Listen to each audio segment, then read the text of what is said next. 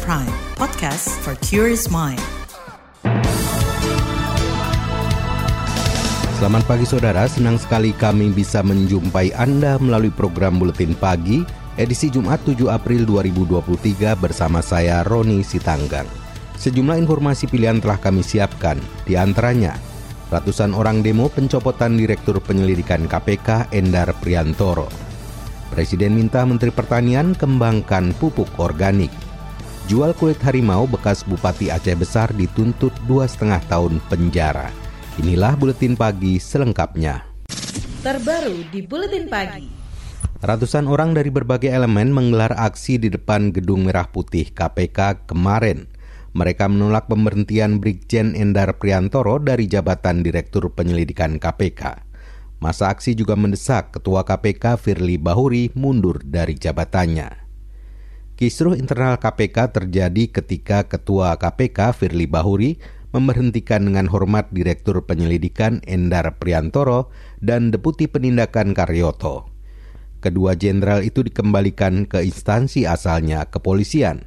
Karyoto lantas dilantik menjadi Kapolda Metro Jaya, sementara Endar dikembalikan Kapolri untuk bertugas di KPK. Hanya saja Wakil Ketua KPK Nurul Gufron enggan menjelaskan alasan pemberhentian, meski Kapolri Liso Sigit Prabowo telah memperpanjang penugasan Endar di lembaga anti rasuah tersebut. Itu wilayah kewenangannya di Sekjen ya. Jadi nanti e, bisa dikonfirmasi ke Sekjen prosesnya bagaimana tentu kita akan mentaati secara hukum ya. Nanti bisa dikonfirmasi ke Sekjen. Makanya kalau pegawaian mohon dikonfirmasi ke Pak Sekjen. Pak Sekjen itu yang mengeluarkan SK-SK tentang kepegawaian ya. Ditanya ke Pak Pak Sekjen saja. Itu tadi Wakil Ketua KPK Nurul Gufron. Pemberhentian Endar Priantoro dan Karyoto dari KPK diduga karena perbedaan pandangan soal penindakan kasus dugaan korupsi pada ajang balap Formula E. Endar Priantoro lantas melaporkan Ketua KPK Firly Bahuri ke Dewan Pengawasan terkait pemberhentiannya. Jenderal Bintang 1 itu bahkan berencana membawa keputusan pemberhentian ke Pengadilan Tata Usaha Negara PTUN. Sementara Dewan Pengawas KPK Tumpak Hatorangan Pangabean mengatakan akan segera memanggil Ketua KPK Firly Bahuri dan Sekjen KPK Cahya H. Harefa. Pemanggilan itu dilakukan untuk meminta klarifikasi terkait laporan dari Endar Priantoro yang diberhentikan dengan hormat dari jabatannya sebagai Direktur Penyelidikan KPK. Kisruh pencopotan Endar Priantoro sebagai Direktur Penyelidikan KPK juga dikomentari Presiden Joko Widodo. Jokowi tak ingin pencopotan itu justru membuat gaduh.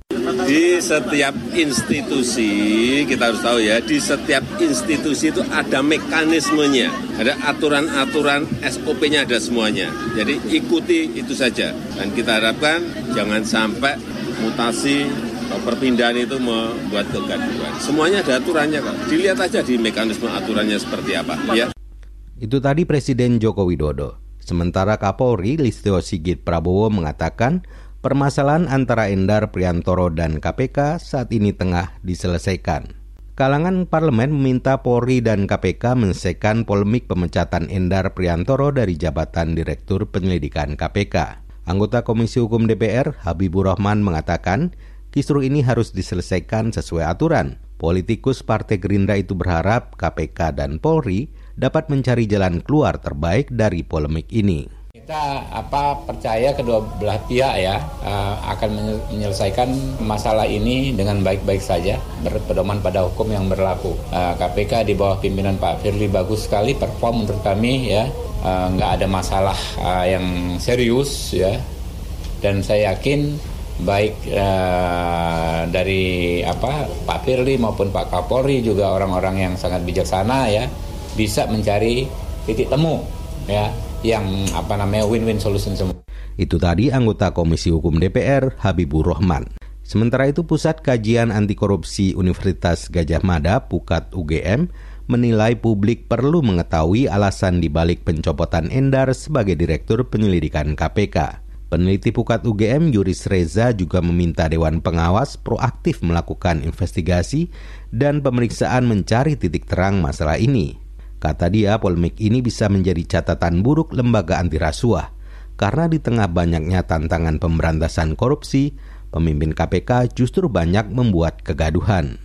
Nah, yang harus dikawal sebetulnya bagaimana kemudian sekarang Dewas bisa uh, memproses ini, memeriksa uh, persoalan ini, dan memastikan bahwa alasan atau keputusan yang diambil oleh Firly Bahuri sebagai Ketua KPK untuk uh, mengakhiri uh, kerja Endar ya, itu memang keputusan yang beralasan. Kalau kemudian ditemukan hal yang sebaliknya, ketika itu ditemukan alasan yang kuat, tidak ditemukan alasan besar hukum, tentu berarti di dalamnya mengandung berarti mengandung pelanggaran etik bisa jadi juga akan mengandung penyalahgunaan kekuasaan atau konflik kepentingan dan itu sangat mungkin untuk diproses lebih lanjut oleh Dewas. Peneliti Pukat UGM Yuris Reza menilai selama ini peran Dewas KPK belum maksimal. Yuris mendorong Dewas KPK membuktikan komitmennya mengawasi internal KPK dan menyelesaikan masalah-masalah yang menyangkut pemimpin KPK. Pukat UGM juga meminta masalah ini dijadikan perhatian DPR dan pemerintah ketika memproses pemimpin KPK ke depannya.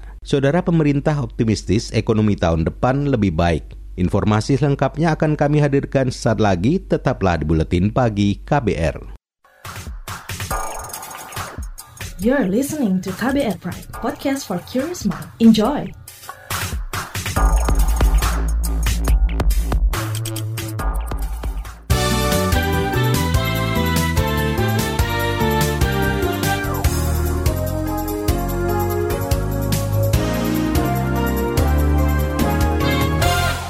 Saudara Presiden Joko Widodo memerintahkan Menteri Pertanian Sahrul Yasin Limpo segera mengembangkan penggunaan pupuk organik di Indonesia.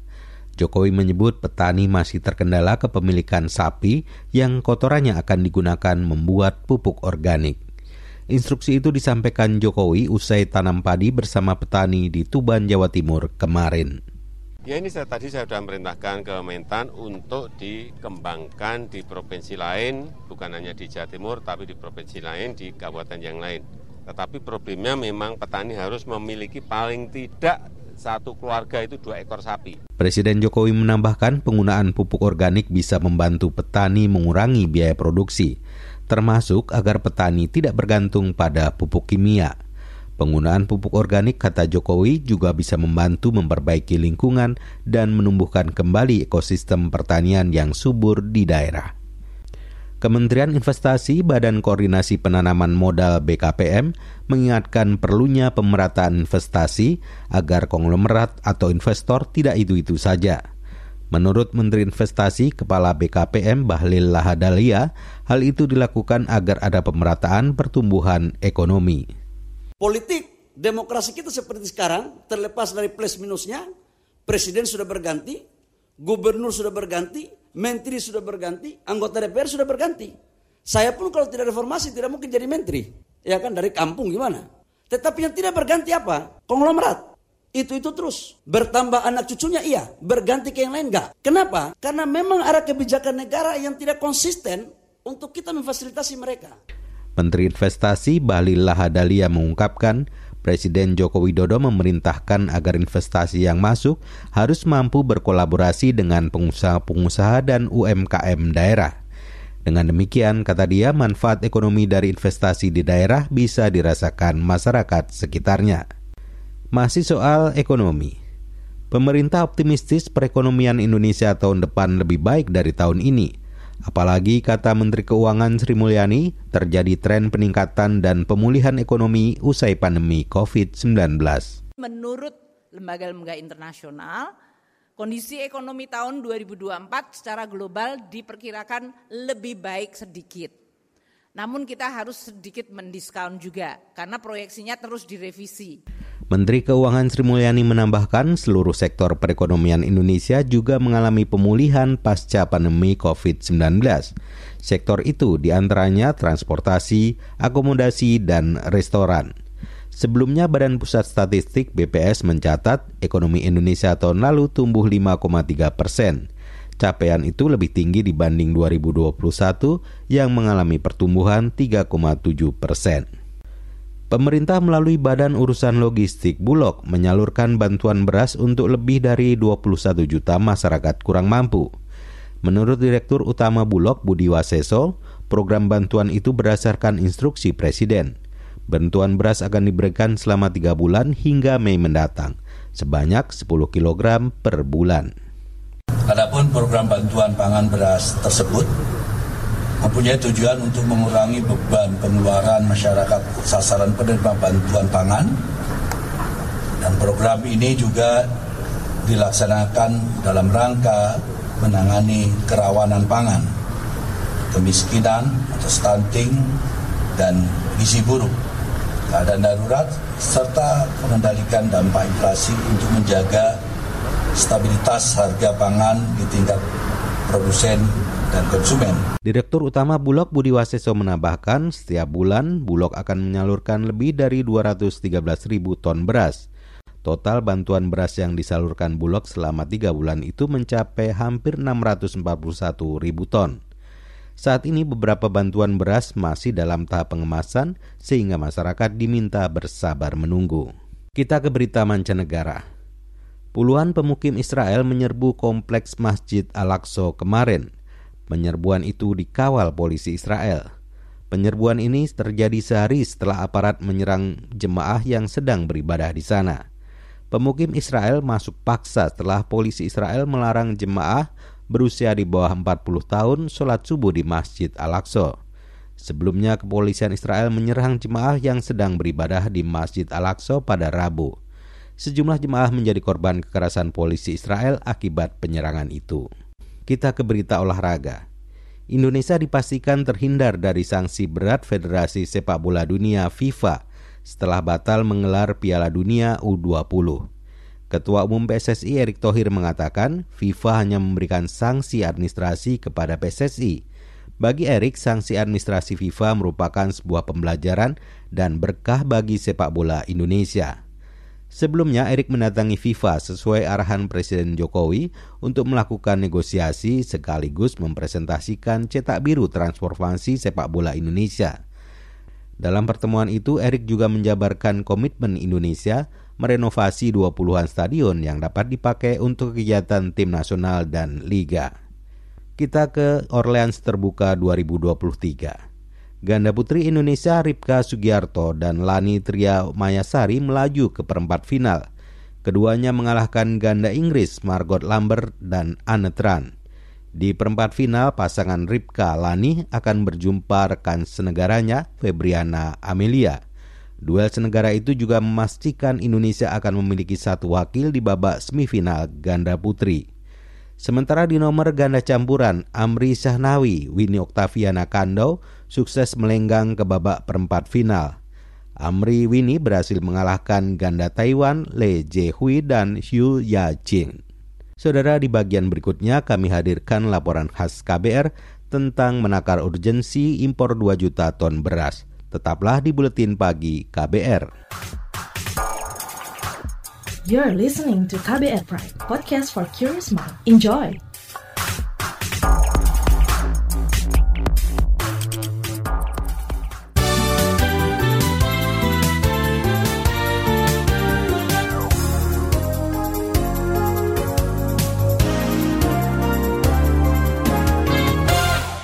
Saudara pemerintah menugaskan Perun Bulog untuk mengimpor beras sebanyak 2 juta ton.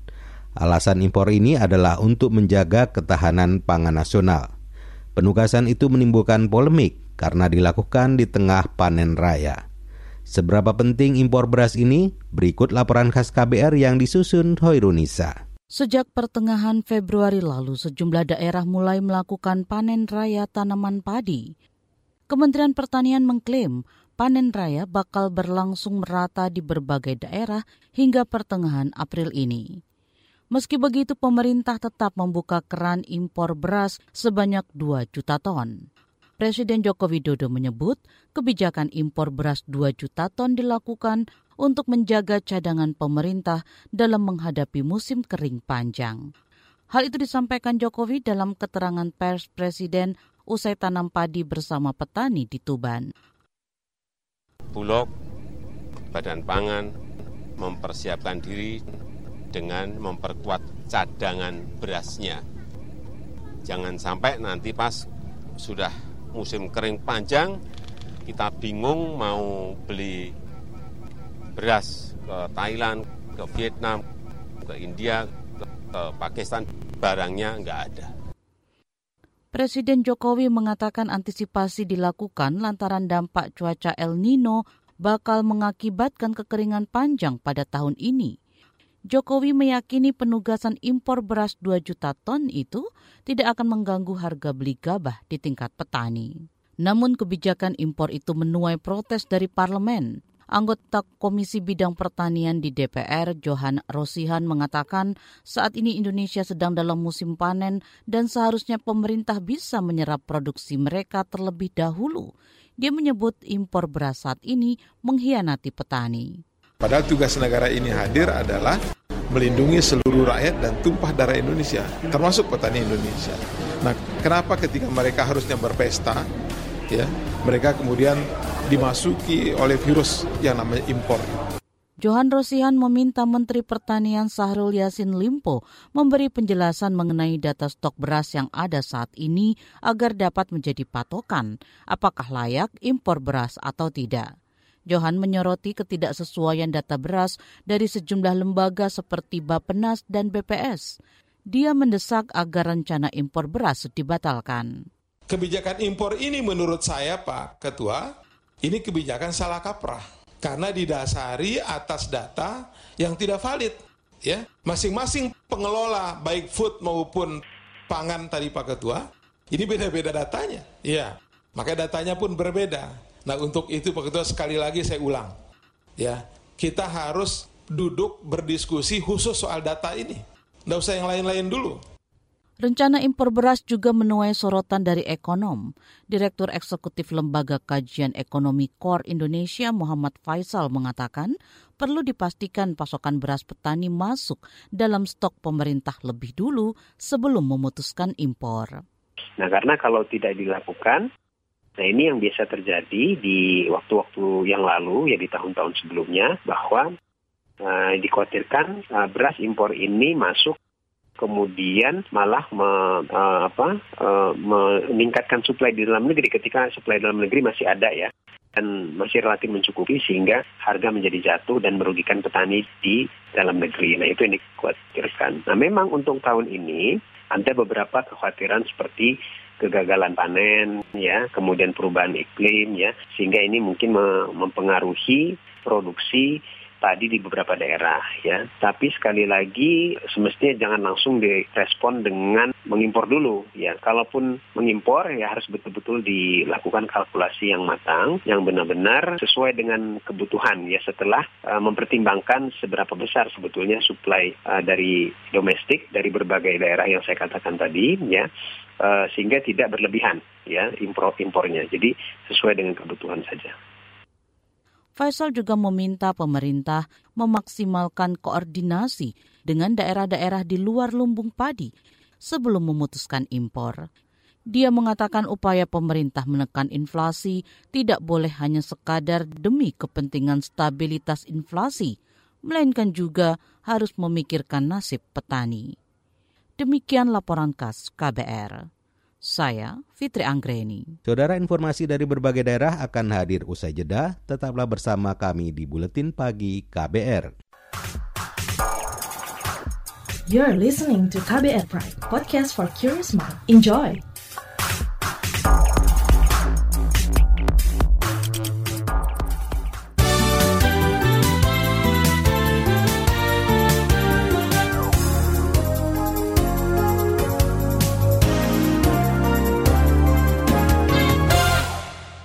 Inilah bagian akhir buletin pagi KBR. Kita ke Aceh. Saudara bekas Bupati Bener Meriah Ahmadi dituntut penjara dua setengah tahun terkait penjualan organ tubuh hewan dilindungi harimau. Selain itu Ahmadi juga dituntut membayar denda 100 juta rupiah, subsidiar 3 bulan penjara. Kepala Balai Konservasi Sumber Daya Alam BKSDA Aceh Gunawan Alza berharap tuntutan itu membuat orang jera melanggar undang-undang tentang konservasi sumber daya alam hayati dan ekosistemnya. Sebelumnya bekas Bupati Bener Meriah periode 2017-2018 Ahmadi ditangkap bersama dua orang lain pada Mei tahun lalu. Mereka ditangkap saat hendak memperdagangkan organ tubuh harimau. Saudara Badan Pengawas Pemilu Bawaslu menyatakan tidak ada pelanggaran pemilu dalam pembagian amplop berlogo partai di sejumlah masjid di Kabupaten Sumeneb, Jawa Timur. Amplop berisi uang Rp300.000 itu berasal dari anggota DPR fraksi PDI Perjuangan Said Abdullah. Ketua Bawaslu Rahmat Bagja mengatakan, kesimpulan itu diputuskan usai memeriksa pengurus PDI Perjuangan Sumeneb pengurus masjid, dan penerima amplop. Bawaslu telah menindaklanjuti dugaan pelanggaran peristiwa pembagian uang zakat dalam amplop berlogo partai politik yang terjadi di Sumeneb, Jawa Timur pada Jumat 24 Maret 2023 yang lalu. Bawaslu memandang terdapat potensi persoalan hukum dalam peristiwa tersebut mengingat pembagian dilakukan di tengah berlangsungnya penyelenggaraan tahapan pemilu tahun 2024 hasil pemeriksaan dan klarifikasi Bawaslu menunjukkan bahwa tidak terdapat dugaan pelanggaran pemilu dalam peristiwa tersebut. Ketua Bawaslu Rahmat Bagja menyebut pembagian amplop berisi uang itu bukan merupakan pelanggaran pemilu karena tidak ada ajakan memilih Said Abdullah. Apalagi Said Abdullah juga belum menjadi calon anggota legislatif dan saat pembagian belum masuk tahapan kampanye pemilu. Kementerian Perhubungan mengungkapkan prediksi peningkatan jumlah pemudik hingga mencapai lebih dari 123 juta orang membuat persiapan tahun ini harus ekstra hati-hati. Apalagi menurut juru bicara Kemenhub Adita Irawati, 75 persen dari total pemudik itu menggunakan angkutan jalan dan 62 persennya berputar di Pulau Jawa. Selain itu, pemudik yang menggunakan kendaraan pribadi tidak dapat diprediksi kapan akan melakukan perjalanan dan menggunakan jalur yang mana. Beda dengan transportasi umum, ketika sudah beli tiket, kita tahu kapan berangkat, berapa orang akan berangkat di hari atau jam-jam tersebut. Jadi, kalau saya boleh sampaikan, persiapan untuk transportasi umum di udara, laut, dan di kereta api relatif sudah sangat baik. Itu tadi juru bicara Kemenhub Adita Irawati. Sementara itu kepolisian akan memperlakukan rekayasa lalu lintas saat arus mudik dan balik selama momentum lebaran 2023. Kata juru bicara Mabes Polri Ahmad Ramadan, ada potensi kemacetan luar biasa, salah satunya di tol Cikampek Palimanan atau Cipali. Sebelumnya Kepala Korlantas Polri Firman Santiabudi mengatakan skema rekayasa lalu lintas yang paling mungkin dilakukan yakni satu arah atau one way hingga penambahan jalur lain atau kontraflow. Puncak arus mudik diperkirakan terjadi pada 21 April dan arus balik 25 April. Saudara informasi tadi menutup jumpa kita di Buletin Pagi hari ini. Pantau juga informasi terbaru melalui kabar baru, situs kbr.id, Twitter kami di akun @beritaKBR, serta podcast di alamat kbrprime.id. Akhirnya saya, Roni Sitanggang bersama tim yang bertugas undur diri, salam.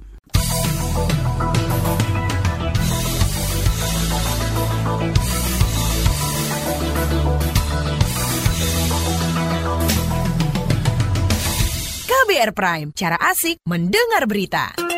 KBR Prime, podcast for curious mind.